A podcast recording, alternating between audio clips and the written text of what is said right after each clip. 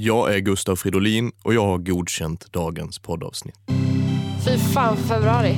Fy fan för februari. Fy fan för februari. Ja, fy fan för februari. Fy fan för februari. Fy fan för februari. Fy fan för februari.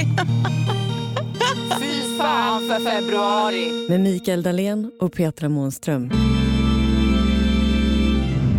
Fredag 22 februari. Start på Kulturveckan. Tor Torlander har ju sagt att nu jäklar ska du bli kulturell Petra. Ja, nu ska jag gräva ner mig i tjeckisk eh, film och eh, annat kulturellt tydligen. Ja, hur känns det?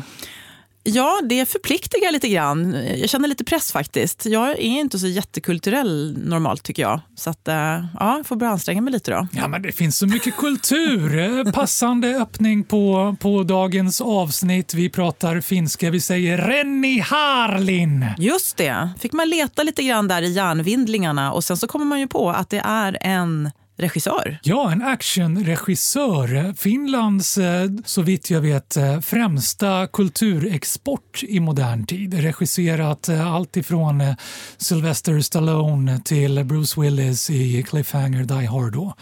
Allt vad det är. Vilket väl är en väldigt passande ingång till dagens gäst som ju är en kulturikon och förknippad med action. Indansande har vi idag. Känd från Let's Dance, känd från Brottsplats Sverige, känd kanske allra främst ifrån Efterlyst, en eh, Kristallen-belönad, inte en utan två gånger programledare och också utsedd till Sveriges säkraste person, årets säkerhetsperson 2011. Hasse Aro, hjärtligt välkommen! Tack så mycket. Tack, tack. Jag trodde att du skulle ta på det här finska. Ja, men jag också. Ja, Ja. Den missade du helt. Jag var med i ett radioprogram nämligen där man gjorde såna DNA-tester. Vem är man? Och så lämnade man in sitt DNA-prov och så fick jag svar då några veckor senare. 100% finne. Jättetråkigt. Mm, Var det din spontana reaktion? Jag tyckte det var jättetråkigt. Alltså, det, det säger jag inte för att det är ett tråkigt land, det kan inte ske. Men utan man, man hade ju hoppats på lite mer spännande ursprung. Vad hade du hoppats på då? Ja, ja det har ju, jag, jag trodde det skulle bli en slags cocktail av liksom alla möjliga folkslag och, och sånt. Men jag blev nyfiken på årets säkerhetsperson 2011. Hur säker är du egentligen? Ja, alltså det beror på hur du menar. Om jag, som person så är jag ju väldigt osäker. Men... Eh, Sade du tvärsäkert? Ja, precis. Ja, precis. Det fanns en motsättning där. Ja, ja, jag hörde den. Ja. Eh, alltså om jag le, lever säkert? Nej, det tycker jag inte att jag gör. Men är du yrkesskadad på något sätt? Alla dessa år och jobba med brottsplatser, efterlysningar, säkerhet och så vidare. Nej, men det som jag brukar säga efter alla dessa år, det som, det som inte förvånar mig, som inte har överraskat mig, det är ju människors ondska, för den visste man ju fanns. Utan det som jag har tagit med mig genom de här åren är ju människors godhet. Vilket överraskar mig. Människor som, som råkar ut för allvarliga saker men som ändå inte blir hämndgiriga eller låter det här förstöra deras personlighet. Den, den, det tycker jag är väldigt fascinerande. Att man orkar, trots att man har varit med om, om det värsta man kan vara med om, orkar ändå se godheten i andra människor. Nu blev jag så här ställd, för det var, Ja. liksom, det var, det, det var fint formulerat eh, om godheten och samtidigt lite så här jobbigt också att det är det som ska behöva överraska, att människor kan orka Ja, visst är vara det. goda. Ja, ja. Apropå det, gillar buset dig? Säger du buset? Jag har fått för mig att människor, eh, poliser och så vidare pratar om buset. Säger du buset? Nej, jag säger aldrig buset, men det är, det är ju vanligt. Jag brukar säga gangsters. Gangster. Mm. Gillar gangsters dig som man brukar läsa om i intervjuer med så amerikanska tv-poliser och så vidare? Att de blir så här kult bland? Ja, alltså, jag tror att det är en generationsfråga. De lite äldre gangstersarna, de gillar mig. Jag har mer än en gång blivit bjuden på drink på, när man har varit ute på krogen och det kommer fram någon som, som man känner igen eller som har varit med i olika sammanhang. Vad är en typisk gangsterdrink vill jag veta då? Ja, jag, brukar ju ta, jag brukar ju ta en öl. Det tror jag är det vanligaste. Men jag tror att alltså, om du är gangster eller yrkeskriminell och gör någonting som hamnar i Efterlyst så är det ju någon slags bekräftelse på att det du har gjort är lite annorlunda, sticker ut lite, lite ovanligt. Så det blir ju en slags liksom, bekräftelse på att du verkligen är någon i den världen. Sen har vi den nya generationens gangsters, de här som springer omkring och som är 14 år och springer omkring och skjuter ihjäl varandra. Där tror jag inte att, jag- min, att jag står högt i kurs. Jag tror inte ens att de vet vem jag är. Ja, då är det Snapchat som gäller istället. Ja, precis vad, vad tycker du om gangsters? Ja, nu fick vi veta vad du tycker om Snapchat gangsters, men de som bjuder på, på öl, blir ni liksom polare sådär? Nej, polare blir vi inte. Man, man håller väl en viss distans. Men jag, det var en gång faktiskt som jag satt på en krog, det var jättelänge sedan. kommer fram en lite äldre kille, typ ja, som, som jag är nu, fast det här var så länge sedan. Och så ställer han sig, står han framför mig och är ganska arg och tycker att vad fan, hur kunde ni hänga ut mig? Jag är ju oskyldig och höll på sådär.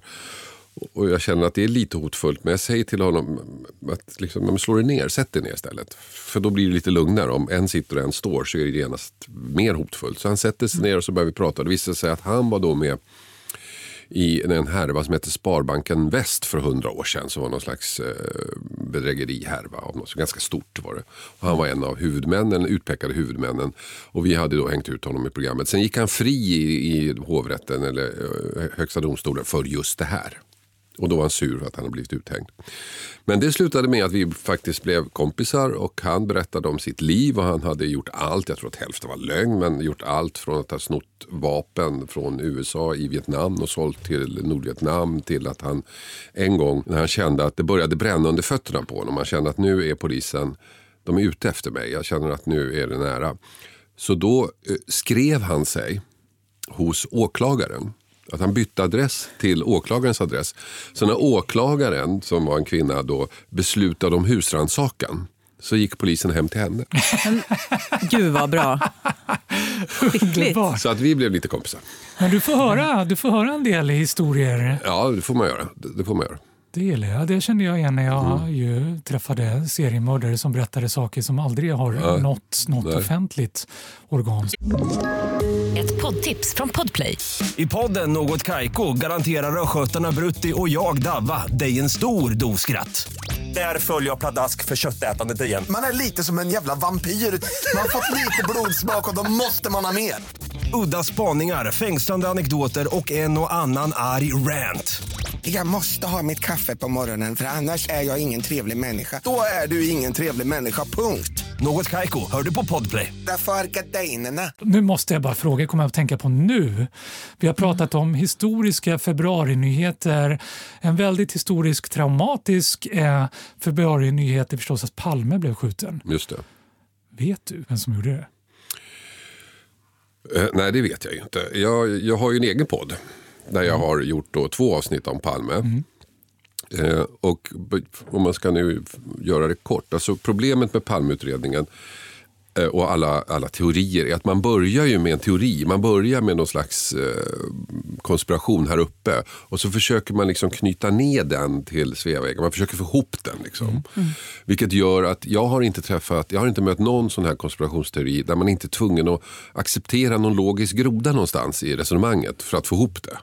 Men nog, nog har du väl fått bekännelser över en gangsteröl? Hur många Palmemördare Nej, det har jag, aldrig, jag har aldrig träffat någon Palmemördare. Är det så? Nej, inte någon som faktiskt har. Däremot har jag träffat Christer Pettersson. Just Som det. inte hade någonting med saken att göra. ja, det tror jag. Okej. Ja, men jag tror att, alltså det finns, om, om man nu gör så här att man utgår från Sveavägen, utgår från vad som har hänt. Så är ju Christer Pettersson den enda, som, den enda namn där allting stämmer. Där man får ihop historien. Och då pratar jag inte bara om liksom själva mordtillfället utan också flyktplan och, och hur han får tag i vapen och när han kommer hem och allt sånt där. Allting hänger ihop. Eh, sen finns det en annan kille som jag pratade om också som heter eh, Christer Andersson. Och det intressanta med Christer Andersson är att han ägde det enda kända vapnet av den här typen eh, som användes i mordet som inte är provskjutet. Så att vid, vid tidpunkten för mordet så ägde han den här typen av vapen. Han var dessutom en känd eh, eh, Palmehatare. Han hade, det var någon ny skattelagstiftning som precis hade gått igenom vilket gjorde att han förlorade massor med pengar. Han satt hemma och sköt sönder tvn när, när Olof Palme var på tvn. Man Oj.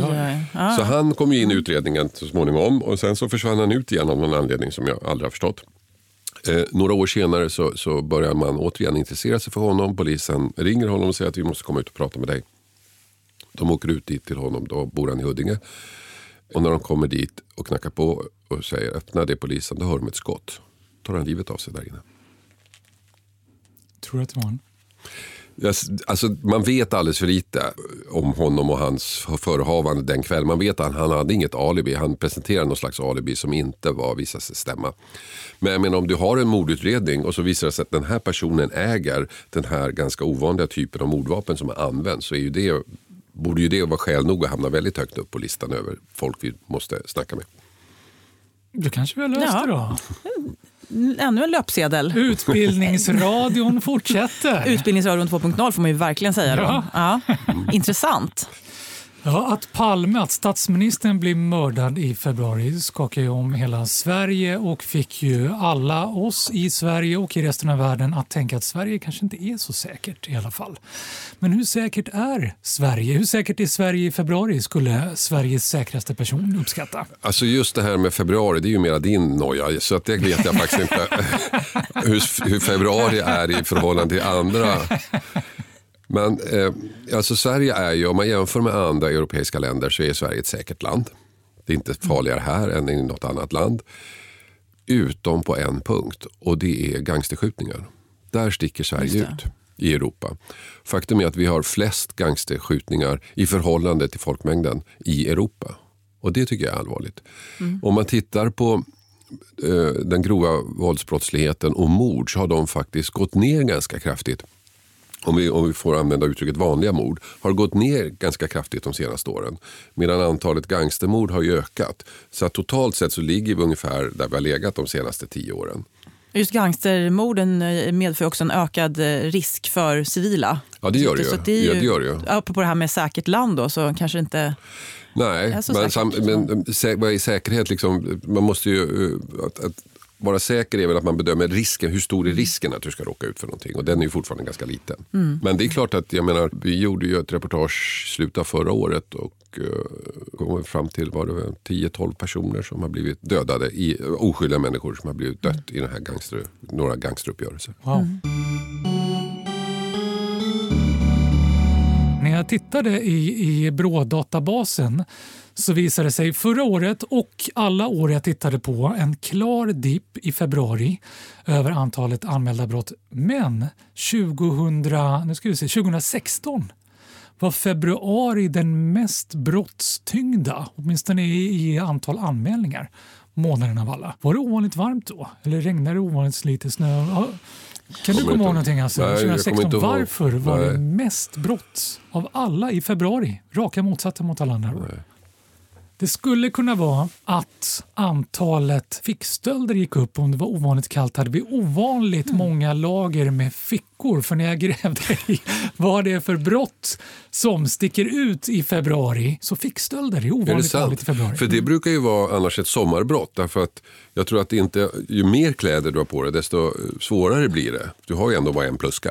Ja. Och, och så ligger den under fyra. Det, är- det är svårare än på sommaren då du bara har någon jacka på dig och så är det lättare att sno den. Så jag, fickstölder är en sån där grej som går upp på sommaren har jag en känsla av. Jag tänker då är folk ute såklart. Ja. Men jag tänker det kanske man har fler fickor på sig. Man har fler plagg, fler fickor. Fler... Men det skulle vara intressant eh, om det, när du ändå nästa gång du går in då och Ja. håller på så kanske du ska kolla va- vabbande och brott. Just det. Om det hänger ihop. För jag kan tänka mig att om man vabbar mycket då är man hemma mycket. Just det. Och då begås det mindre av den typen av brott, inbrott och sådana saker. För att de flesta inbrottstjuvar vill inte bryta sig in när någon är hemma. Vabbar gangsters. Det är en jättebra fråga. Kanske inte anmäler till Försäkringskassan att de vabbar i sådana fall. Ett stort mörkertal där. Jag skulle tro det. De har, ju, de har ju lite friare arbetstider så de kanske kan anpassa sig. Har du något favoritbrott? Jag är väldigt fascinerad av bedragare. Alltså riktiga bedragare. Ja. Ehm, det fanns ju en som härjade eh, förr som hette, eh, eller skitsamma vad han hette, men han kallades för Dr. Bluff. Och Dr. Bluff eh, kommer till en liten ort någonstans i Sverige. Eh, och så går han in på, på golfklubben och så presenterar han sig som att han egentligen är eh, hjärnkirurg i Schweiz. Han är svensk men han bor i Schweiz och är hjärnkirurg. Men nu funderar han på att flytta hem. Och just den här orten så har han någon koppling till eh, som barn så att eh, han är här för att reka lite, kanske ska flytta hem. Han är otroligt trevlig, han bjuder alla på champagne. Han spelar golf och så bjuder han på champagne efteråt och så blir han kompis med alla. Han är extremt social. Och, och det tar bara några dagar så har han snurrat upp hela bygden och bjudit på middagar. Och allt, allt han bjuder på det liksom låter han fakturera hotellet för det betalar han sen när han ska dra. Eh, och sen så efter ja, någon vecka eller sådär så, har ju, så blir ju situationen ohållbar. Hotellet som oftast är ett ganska litet pensionatsliknande hotell blir ju lite oroliga för att det liksom ligger massa räkningar där. Så att då vill ju de ha betalt och då säger han så här, ja men det är inga problem, eh, jag åker till banken nu. Och så tar han sin Volvo eh, som han har snott på förra stället han var på och så drar han. till nästa ställe där han kör samma charad igen. Och då tänker jag så här, jag kan inte frigöra mig från tanken att när han går in där på golfklubben och presenterar sig som, som eh, hjärnkirurg i Schweiz så tror jag att han går in i rollen så mycket så att han är den personen just då. Han tror själv på vad han säger. Han, han lever så, sig så in i den här rollen, för det måste man göra för att klara av det här. Och då, finns det, då tycker jag det finns en intressant moralisk fråga. Om du själv tror på vad du säger, kan man säga att du ljuger då? Tungt. Ja, den är väldigt intressant faktiskt. Lite Så den typen av, den typen av, av brottslingar, de som går in i en låtsasvärld och lever där, det, det fascinerar mig lite grann. Skulle du kunna begå det perfekta brottet? Den tanken har jag tänkt på många gånger. Ja, det är så va? Mm. Ja, den har man ju diskuterat och sådär. Ehm, ja. Och det vi tror vet jag. vilken månad du skulle välja. ja, det beror på vad det är för brott. Men jag menar, ehm, det perfekta brottet är ju det som aldrig upptäcks. Och så tittar Just du lite det. Mm. illmarigt på oss. Här finns ett skop tror jag. Verkligen. Nej, men jag menar, om du ska- känner till i det- Hasses förehavande? Men det är om du ska till exempel eh, få pengar, om du ska stjäla pengar, så är det ju bättre att stjäla 100 spänn av alla i hela Sverige än, än liksom 80 miljoner av en person. Just det. Har du några generella tips, Sveriges säkraste person, som vi kan ta med oss? Tips för gangsters eh, som eh, behöver ta sig igenom februari, försörja sig. Tips för allmänheten. Du menar hur man ska skydda sig mot brottslighet? Eller? Ja, om man inte är gangster då. Om man inte Det är gangster? Ja. Ja, alltså vad man ska veta är att vi lever i ett tryggt land. Sannolikheten att du ska drabbas av brott är eh, inte särskilt stor. Sannolikheten att du ska drabbas av allvarliga brott är väldigt liten. Vet, De flesta av oss har väl drabbats av något brott. Vi har haft något inbrott i bilen. Sånt där. Det är ju ganska vanligt. Men liksom, de riktigt allvarliga brotten, de som verkligen påverkar våra liv, det, det är väldigt ovanligt att man drabbas av det. Så jag tror nog att man jag tror att det viktigaste rådet är att man inte ska låta rädslan ta över. För då, då, då har man förlorat. Då har, då, då har de mörka krafterna vunnit. Därför att om din 14-åriga dotter ska åka tunnelbana från Stockholm till eh, Bromma till exempel, om du nu bor där. Så sannolikheten att hon ska råka ut för någonting under den resan är jätteliten. Så att då är det bättre att låta henne ta den här resan än att man ska skrämma upp dem och de aldrig får göra någonting. Det är mycket bra. Men är det inte så att alla de här programmen eh, om just brott gör att man får en känsla av att det är väldigt mycket brott? Jo. Och sen tidningarna fokuserar på Ja. det negativa och brott. Precis. Ja. Det, det, det, det sa jag vid någon intervju, för hundra år sedan. Att den som får sin världsbild av Efterlyst, den får en ganska sned världsbild. Då på den tiden jag sa det så var vi det enda brottsprogrammet. Nu skriver ju alla och alla gör program och skriver artiklar om brott hela tiden. Så att nu kanske det är så att vi får den världsbilden. Så vill Och den du- är inte bra. Vill du inte vara rädd så kanske är ett extra tips att slänga in så här i elfte timmen. Så gör som Christer Andersson och skjut tvn.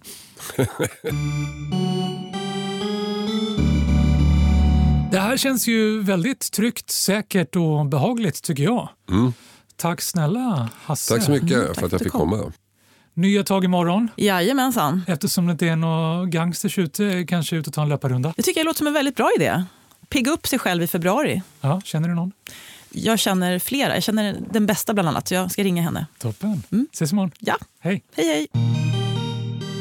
Fy fan för februari görs av produktionsbolaget Munk.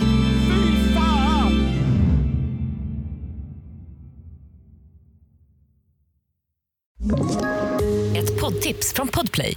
I podden Något Kaiko garanterar östgötarna Brutti och jag, Davva, dig en stor dos skratt. Där följer jag pladask för köttätandet igen. Man är lite som en jävla vampyr. Man har fått lite blodsmak och då måste man ha mer.